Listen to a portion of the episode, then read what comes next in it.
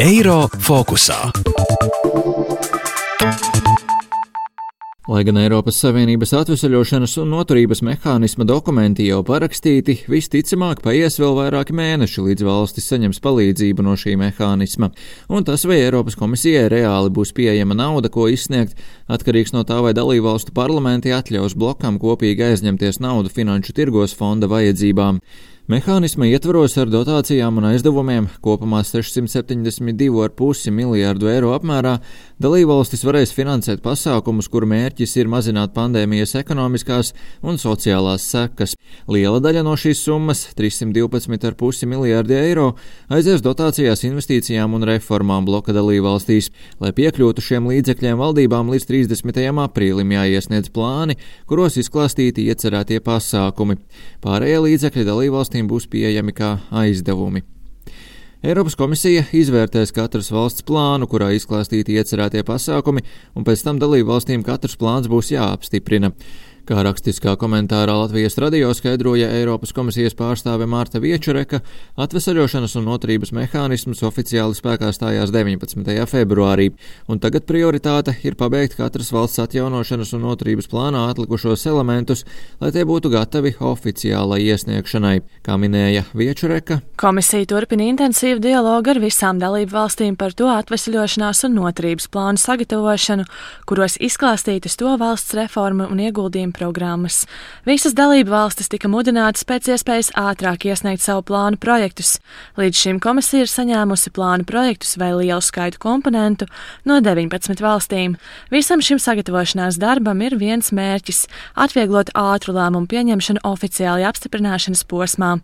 Mēs šajā ziņā gūstam labus panākumus, taču priekšā vēl daudz darba. Būtiski minēt, ka valstīm vismaz 37% no plāna budžeta jāatvēl klimata mērķiem un vismaz 20 20% digitalizācijai.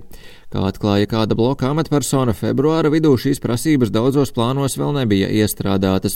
Valsts plānam jābūt ar ilgstošu sociālo un ekonomisko ietekmi, tam jāparedz plašas reformas un pasākumi investīciju projektu īstenošanai, un tas nedrīkst būtiski apdraudēt Eiropas Savienības vides mērķu izpildi. Kā skaidroja Eiropas komisijas prezidente Urzula Fonderleina, reformu plāni aptver plašu jautājumu loku, sākot no valsts finanšu ilgtspējas un beidzot ar nodokļiem, sociālo drošību un valsts iepirkuma noteikumiem. To, cik tālu katra valsts tikusi, komisijas pārstāve gan nemin. Tomēr ir zināms, ka plānu projektus vai lielu daļu no šo plānu punktiem uz šo brīdi ir iesniegušas Lējienas februāra vidū jau pieminētās 19 valstis, kuru vidū ir arī Latvija. Bet, piemēram, mūsu kaimiņu valstis vēl iepaliek. Informāciju par saviem plāniem ir iesniegusi arī Spānija, kas ir otra lielākā fonda līdzekļu saņēmēja un iegūs 140 miljārdus eiro. Brisele, Spānijas un arī citu valstu plānos vēlas redzēt apņēmību īstenot reformas.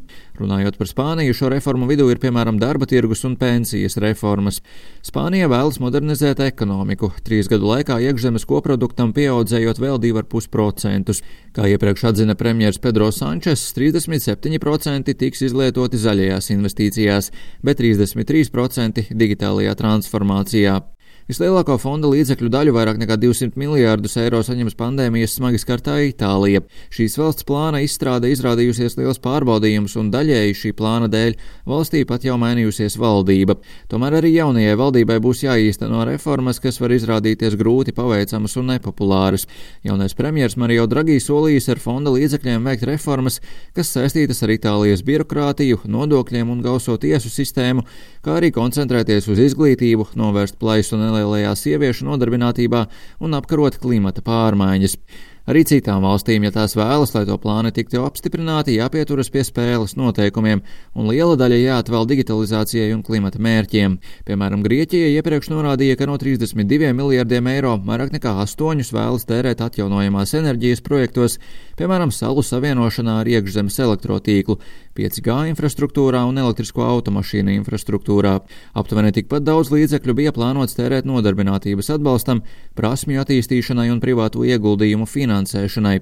Savukārt mums netālu esošā Polija vismaz 30% tērēšot zaļā kursa projektiem, uzlabojot energoefektivitāti, vidē draudzīgas enerģijas ražošanu, viedo tīkla infrastruktūru, atkritumu apsaimniekošanu un transporta un pilsētas mobilitāti, bet digitalizācijai tiks tērēti 25% no pieejamās naudas.